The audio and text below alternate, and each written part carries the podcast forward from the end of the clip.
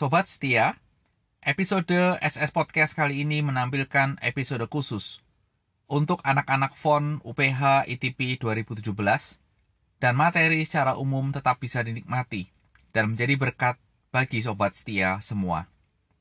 Sedikit pengantar bahwa ini adalah edisi permintaan dari mahasiswa untuk SS Podcast menyampaikan penguatan karena mereka akan berada di seluruh Siloam Indonesia untuk melanjutkan proses menjadi seorang perawat atau nurse mulai Agustus 2020.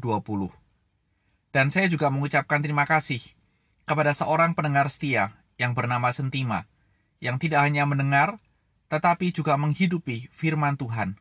Kiranya Tuhan juga memberikan pimpinan dan penyertaan kepada kita semua di tengah-tengah pandemi COVID yang belum selesai. Episode kali ini, saya memberikan sebuah tema My Container. Dan yang menjadi landasan untuk firman Tuhan dari Lukas 1 ayat 26 sampai 38. Dalam bulan yang keenam, Allah menyuruh malaikat Gabriel pergi ke sebuah kota di Galilea bernama Nazaret, kepada seorang perawan yang bertunangan dengan seorang bernama Yusuf dari keluarga Daud. Nama perawan itu Maria. Ketika malaikat itu masuk ke rumah Maria, ia berkata, Salam, hai engkau yang dikaruniai, Tuhan menyertai engkau. Maria terkejut mendengar perkataan itu, lalu bertanya dalam hatinya, apa arti salam itu? Kata malaikat itu kepadanya, Jangan takut, hai Maria, sebab engkau beroleh kasih karunia di hadapan Allah.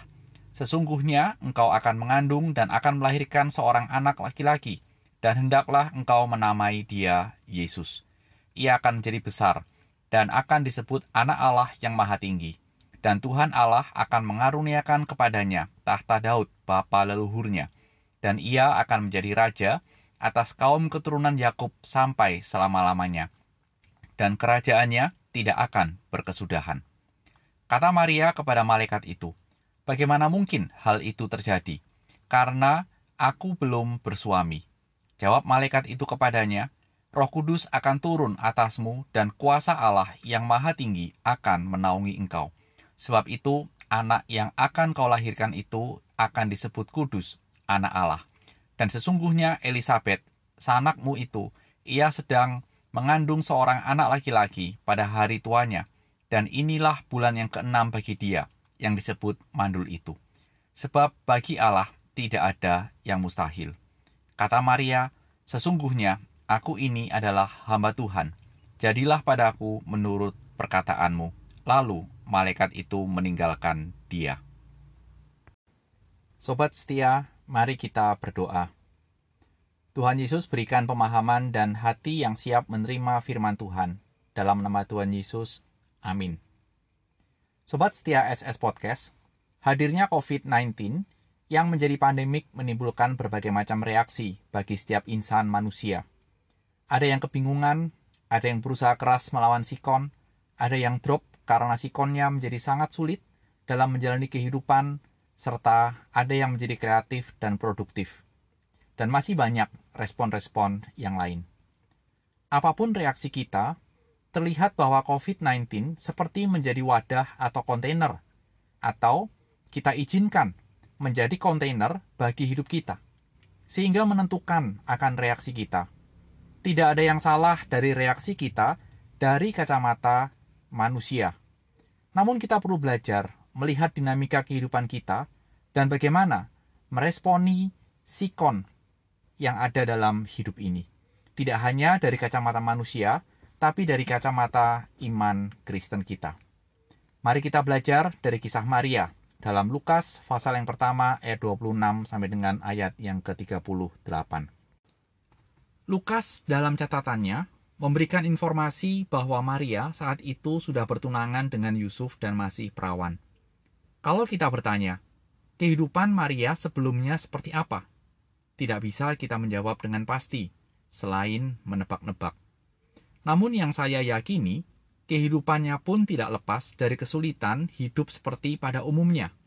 Karena tidak ada kehidupan yang bebas 100% dari kesulitan dan pergolakan.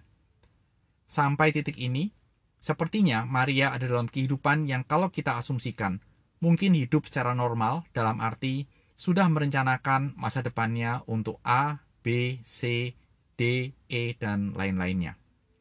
Namun perencanaan atau apa pun sikon saat itu menjadi kehidupan yang bergejolak bagi Maria. Berubah total. Mengapa? Tuhan mengutus malaikat menemui Maria. Ngapain ini malaikat diutus oleh Tuhan?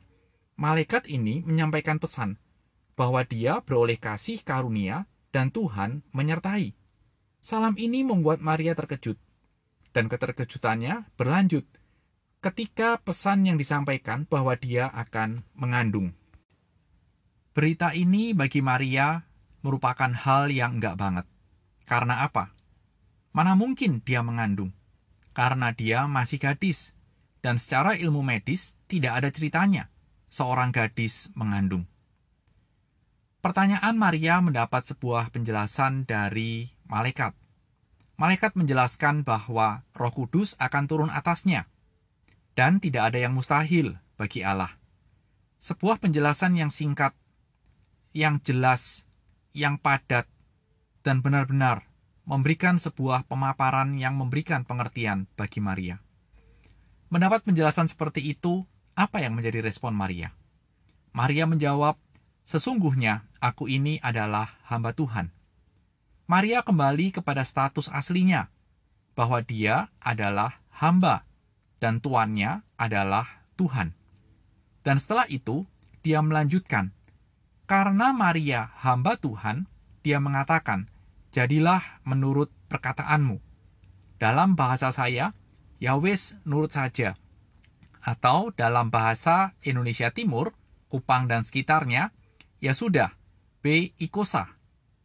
Maria tidak mengizinkan sikon dan perubahan dalam hidupnya menjadi kontainer dalam hidupnya.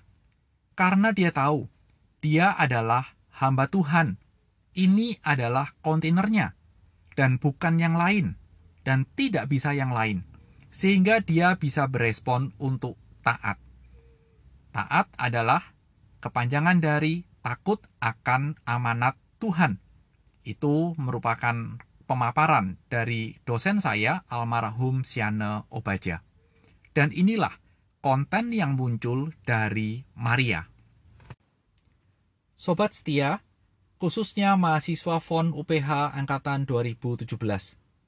Pergolakan dan perubahan dalam hidup yang mengambiarkan rencanamu atau keinginanmu karena pengumuman GNR maka pacaran jadi LDR setahun ke depan di tempat yang baru, asing, lebih jauh lagi dari rumah, dan berpikir, bagaimana kalau sakit, bagaimana kalau begini dan begitu. Tanpa kita sadari, hal-hal seperti itu sering kali menjadi kontainer untuk kita menjalani kehidupan ke depan. Akibatnya, kita menjadi takut, khawatir, ragu, kecewa, marah, frustasi, dan mungkin juga ada yang langsung menggunakan akalnya untuk menata ulang satu tahun ke depan. Atau sobat setia yang lain, mungkin ada perubahan yang terjadi karena pandemi COVID-19. Kita jadi tidak bisa bekerja, pekerjaan menjadi sulit, kesulitan-kesulitan lain mulai muncul akibat pandemik belum selesai, dan kita tidak tahu kapan selesainya. Dan hal-hal seperti ini menjadi kontainer yang mengakibatkan kita frustasi dan tertekan. Keadaan yang seperti ini dalam hidup kita sering kali secara tidak langsung kita izinkan menjadi kontainer dalam hidup kita. Mari kita kembali ke kontainer kita yang sesungguhnya. Dan kalau kita bertanya, apa kontainer kita yang sesungguhnya? Kita adalah anak-anak Tuhan, umat tebusan Allah. Karena Allah mengutus Kristus untuk datang menebus dan menyelamatkan kita, manusia berdosa. Dan ingat, tidak saja itu. Sejak Kristus datang, meminjam istilah dan isi dari Injil Matius, namanya disebut Immanuel, di mana dia akan menyertai kita kapan pun dan di mana pun kita berada. Artinya apa? Dalam kekhawatiranmu dan ketidakmengertianmu akan perubahan, gejolak, dan rencana untuk masa depanmu, ada Kristus di depan sana. Ada Kristus yang akan berjalan di sampingmu menuju masa depanmu, dan Dia tidak akan pernah meninggalkanmu. Dan dalam tuntunan penyertaan Tuhan, Tuhan menginginkan kita takut akan amanat Tuhan. Taat.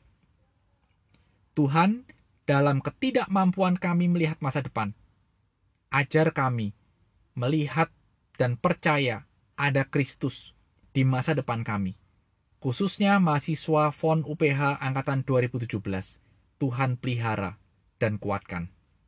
Amin.